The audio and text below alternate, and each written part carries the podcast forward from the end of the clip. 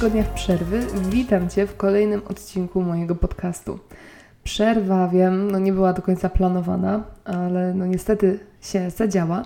Wynikła z tego, że miałam naprawdę bardzo dużo pracy i w ogóle cały ten styczeń jest jakimś totalnym zamieszaniem. I to właściwie nie tylko u mnie, bo z kim rozmawiam, to każdy mi mówi, że ten styczeń, oj, jest ciężki. Jest ciężki bardzo i, i zawodowo, pracowo, i emocjonalnie, i psychicznie, i pod każdym innym względem. Zresztą ja zauważam taką prawidłowość co roku właściwie od paru lat, że ten styczeń jest dla mnie zawsze mega turbo ciężki i mimo, że wchodzę w niego z taką wielką energią i z wielką chęcią do realizacji planów i mam jakieś te plany różne ambitne już od stycznia, to zazwyczaj okazuje się, że no, w tym styczniu nic nie idzie tak, jak powinno iść. No, nie bez powodu mieliśmy w ten poniedziałek ostatni Blue Monday, czyli najbardziej depresyjny dzień w roku. Ja naprawdę wierzę, że coś w tym jest. I wydaje mi się, że to wynika trochę z tego, że jednak wiele rzeczy, ja przynajmniej osobiście chciałam pokończyć w grudniu, nie udało mi się to, więc tym bardziej chcę pokończyć je w styczniu. I ten styczeń jest taki, jest takim miesiącem przejścia. Ja nawet się śmiałam ostatnio, że dla mnie nowy rok kalendarzowy nie zaczyna się 1 stycznia, absolutnie. Dla mnie rok kalendarzowy zaczyna się 1 lutego, dlatego że ten styczeń to tak naprawdę jeszcze nie jest ten nowy rok, tylko to jest taki miesiąc przejścia między jednym a drugim. I ja się tego trzymam, więc i tak jestem z siebie dumna, że w tym styczniu ogarniam, daję radę, kończę mnóstwo tematów, które gdzieś mi tam wisiały.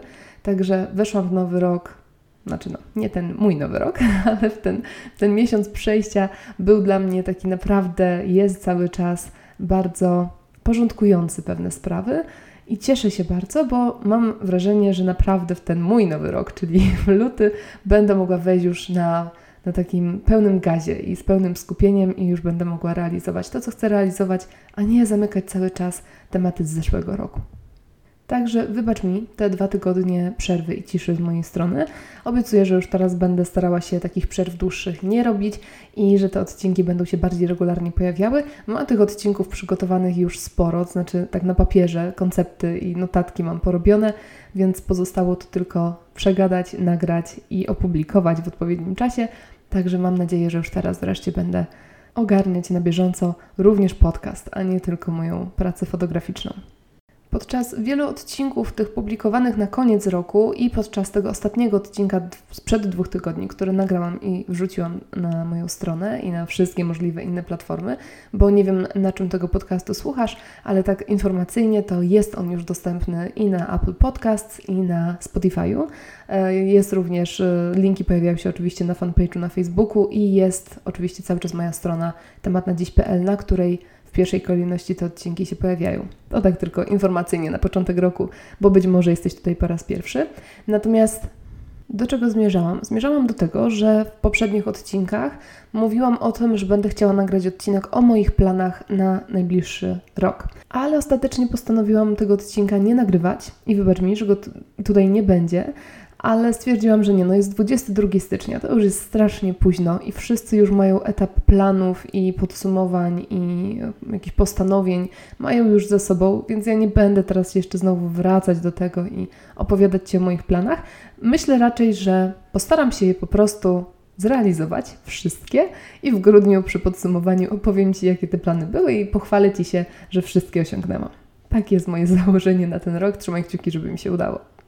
A w zamian chciałabym już wrócić do takiej tematyki mojej, typowej, czyli do tematyki lifestyle'owo-psychologiczno-rozwojowo-motywacyjnej, tak to ładnie nazwijmy. I chciałabym poruszyć temat, który wydaje mi się, że może być fajnym teamem, czyli takim fajnym motywem przewodnim całego tego roku. I tym tematem, tematem na dziś jest autentyczność. Przez ostatnie kilka lat przeczytałam bardzo dużo książek, zwłaszcza takich poradnikowo-psychologicznych, i w wielu tych książkach pojawił się właśnie motyw autentyczności. I gdzieś tam ten temat cały czas mi wibrował z tyłu głowy i miałam takie, taką myśl, takie poczucie, że muszę go tutaj poruszyć i muszę tego słowa na moim podcaście użyć. Dlaczego? Dlatego, że podczas czytania tych książek ta myśl, która z nich wszystkich płynęła, była taka, że po pierwsze, autentyczność w obecnych czasach jest ogromną wartością, i jest czymś, co może wyróżniać osobę czy markę osobistą, bo akurat w wielu e, książkach o biznesie i o tworzeniu marki osobistej ta autentyczność się pojawiała.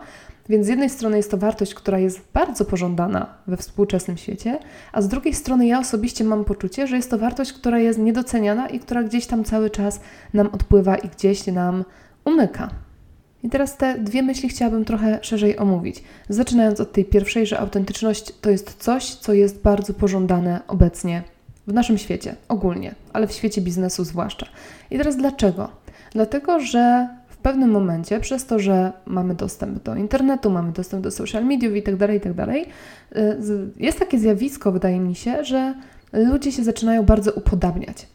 Tak jak dawniej, nie wiem, jakby się pojechało do innego kraju na przykład, to spotykało się z zupełnie inną kulturą, z zupełnie innymi jakimiś, nie wiem, produktami, markami itd. Tak I mimo wszystko gdzieś ten świat był bardziej różnorodny, bardziej podzielony.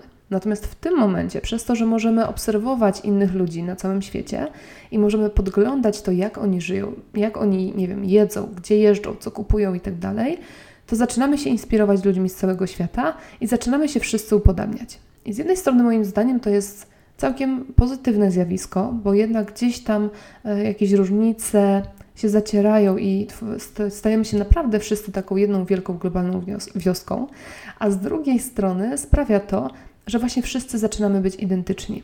I kiedy teraz patrzymy na ludzi na Instagramie z Peru, albo patrzymy na ludzi ze Stanów, patrzymy na ludzi z Francji, z Włoch, z Rosji czy z Polski, to właściwie ci ludzie wiodą bardzo podobne style życia. Te same rzeczy kupują, w te same miejsca jeżdżą, to samo jedzą i te wszystkie różnice zaczynają trochę nam zanikać. A w momencie, kiedy wszyscy jesteśmy identyczni, kiedy wszystko wygląda tak samo, wszystkie marki funkcjonują w taki sam sposób i przekazują ten sam komunikat w taki sam sposób, to wszystko zaczyna się zacierać i wszystko robi się troszkę nudne. To znaczy inaczej, z perspektywy człowieka, z perspektywy odbiorcy, to zaczyna się robić nudne, bo wszystko jest takie same.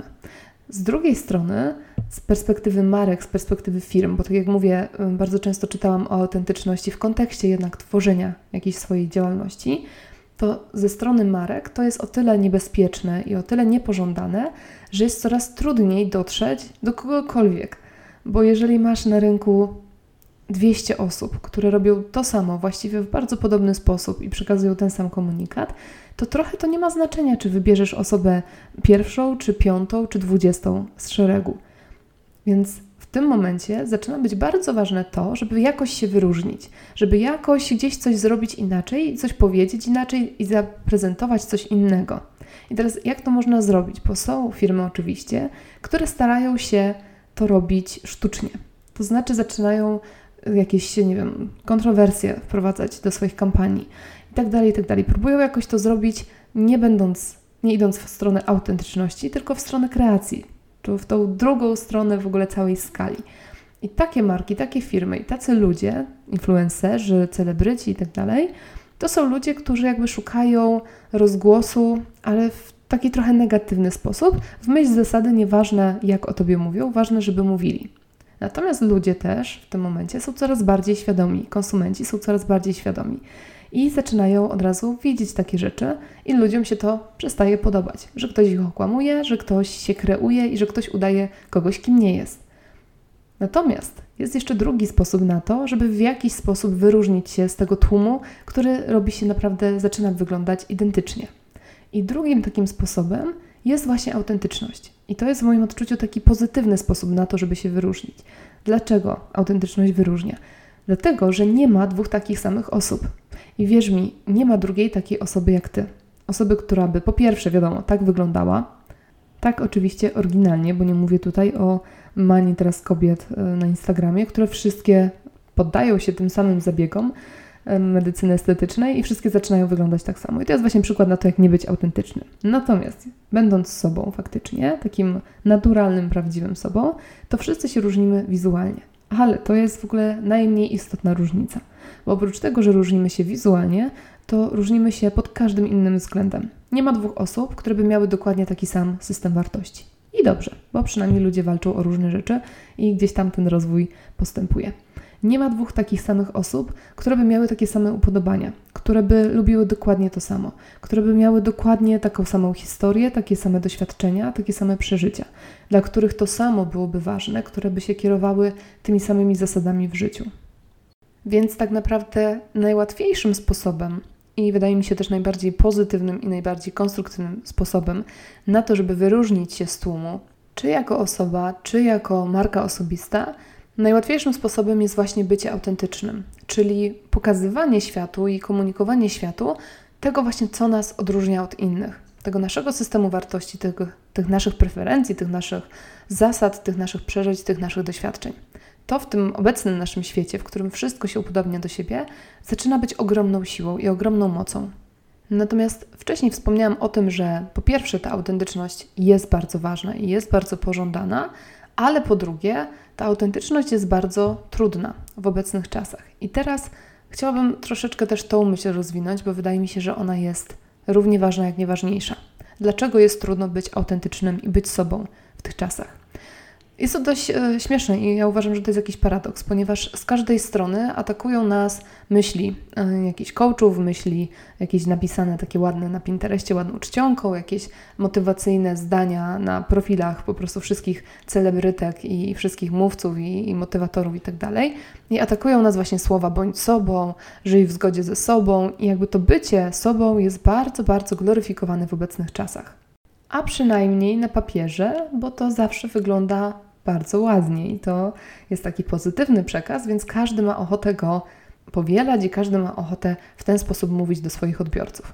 Ale tak naprawdę, gdyby się temu przyjrzeć wszystkiemu, to bądź sobą, mówi ci na przykład jakaś trenerka fitness, których w tym momencie w Polsce mamy naście albo dziesiąt i one wszystkie są identyczne. Nie mówię z twarzy, ale one wszystkie mają taki sam sposób, taki sam klimat, robią te same rzeczy w bardzo podobny sposób tak naprawdę i trochę momentami nie ma znaczenia, czy oglądasz jedną, drugą czy piątą, bo właściwie wszędzie znajdujesz to samo. Wszystkie robią te same batony mocy, wszystkie robią te same jakieś tam ćwiczenia, zestawy ćwiczeń, płyty i jakby cały czas prowadzą swój biznes bardzo w ten sam sposób.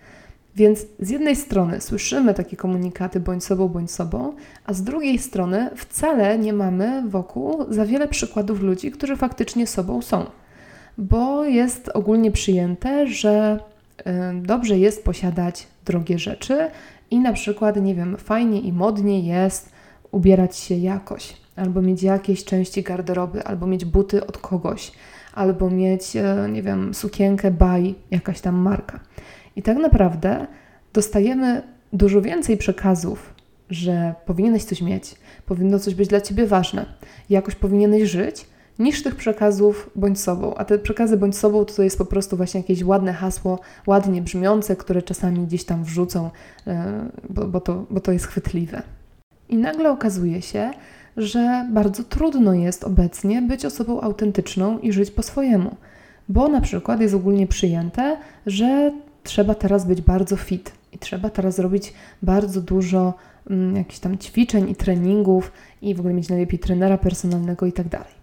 I ja z jednej strony zgadzam się z tym trendem, bo badania z kolei psychologiczne, a propos psychologii szczęścia, pokazują, że faktycznie ruch bardzo dobrze wpływa na nasze samopoczucie i jest bardzo zdrowy i tak dalej, więc ja jakby nie neguję całego tego nurtu, ale z drugiej strony, w kontekście autentyczności myślę sobie, no to kurczę, to mam być sobą, czy mam robić to, co mi każą, bo to teraz jest społecznie dobrze widziane i jest przyjęte.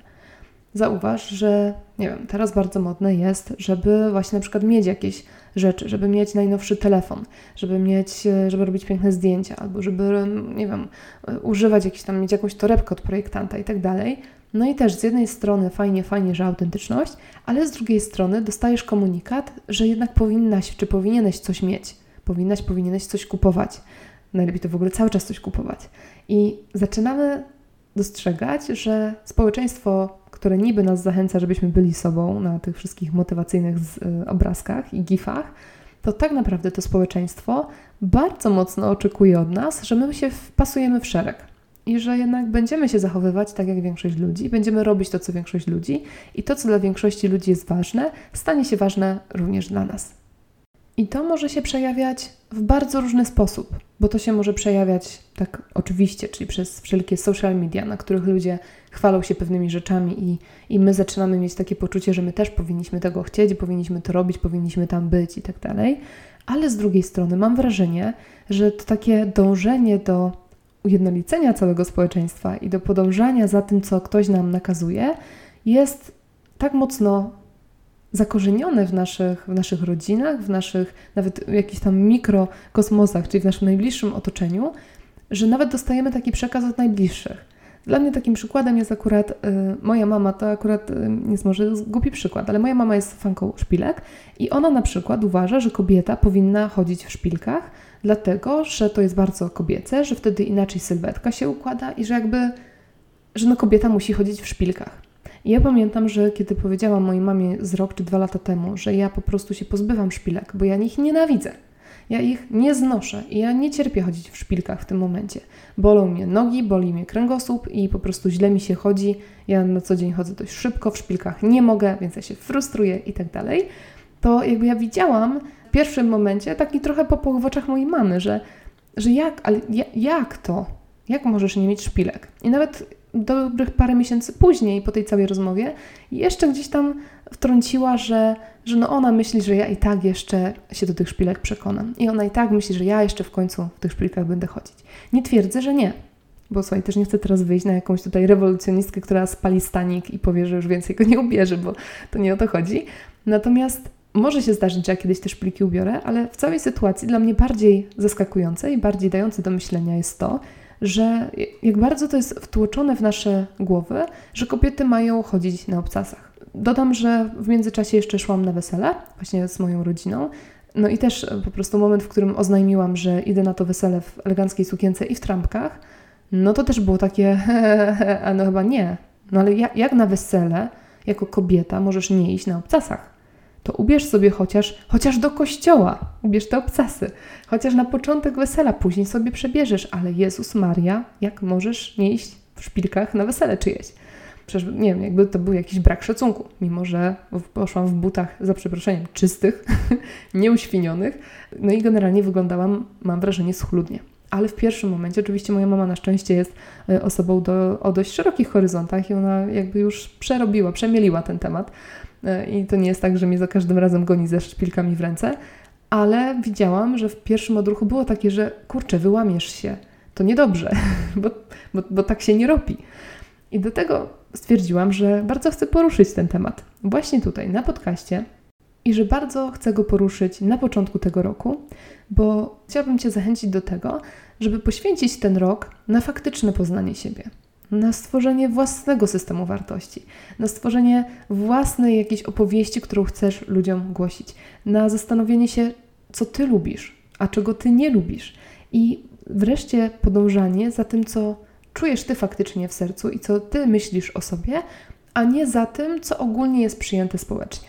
I teraz nie mówię o tym, że wszystkie te społeczne zasady i reguły są złe. Bo ja mimo wszystko jestem fanką, żeby ludzie, nie wiem, brali prysznic względnie codziennie i, i jeżeli ktoś nagle myśli, że ani go prysznic nie jest, to on to w ogóle oleje i, i się nie będzie mył, bo on będzie autentyczny. Wiesz, e, wiadomo, że pewne zasady społeczne, jakieś tam ogólnego współżycia społecznego są potrzebne i są ważne, Natomiast chciałabym Cię po prostu zachęcić do tego, żebyś spojrzał czy spojrzała na to wszystko, co robisz w ciągu dnia, na to, jak żyjesz, jakie rzeczy kupujesz, na co wydajesz, na co nie wydajesz i tak dalej, ale przepuszczając to przez swój własny filtr, przez swoje własne sitko i zastanawiając się, co faktycznie jest Twoje, a co zostało Ci dane i co zostało Ci wtłoczone.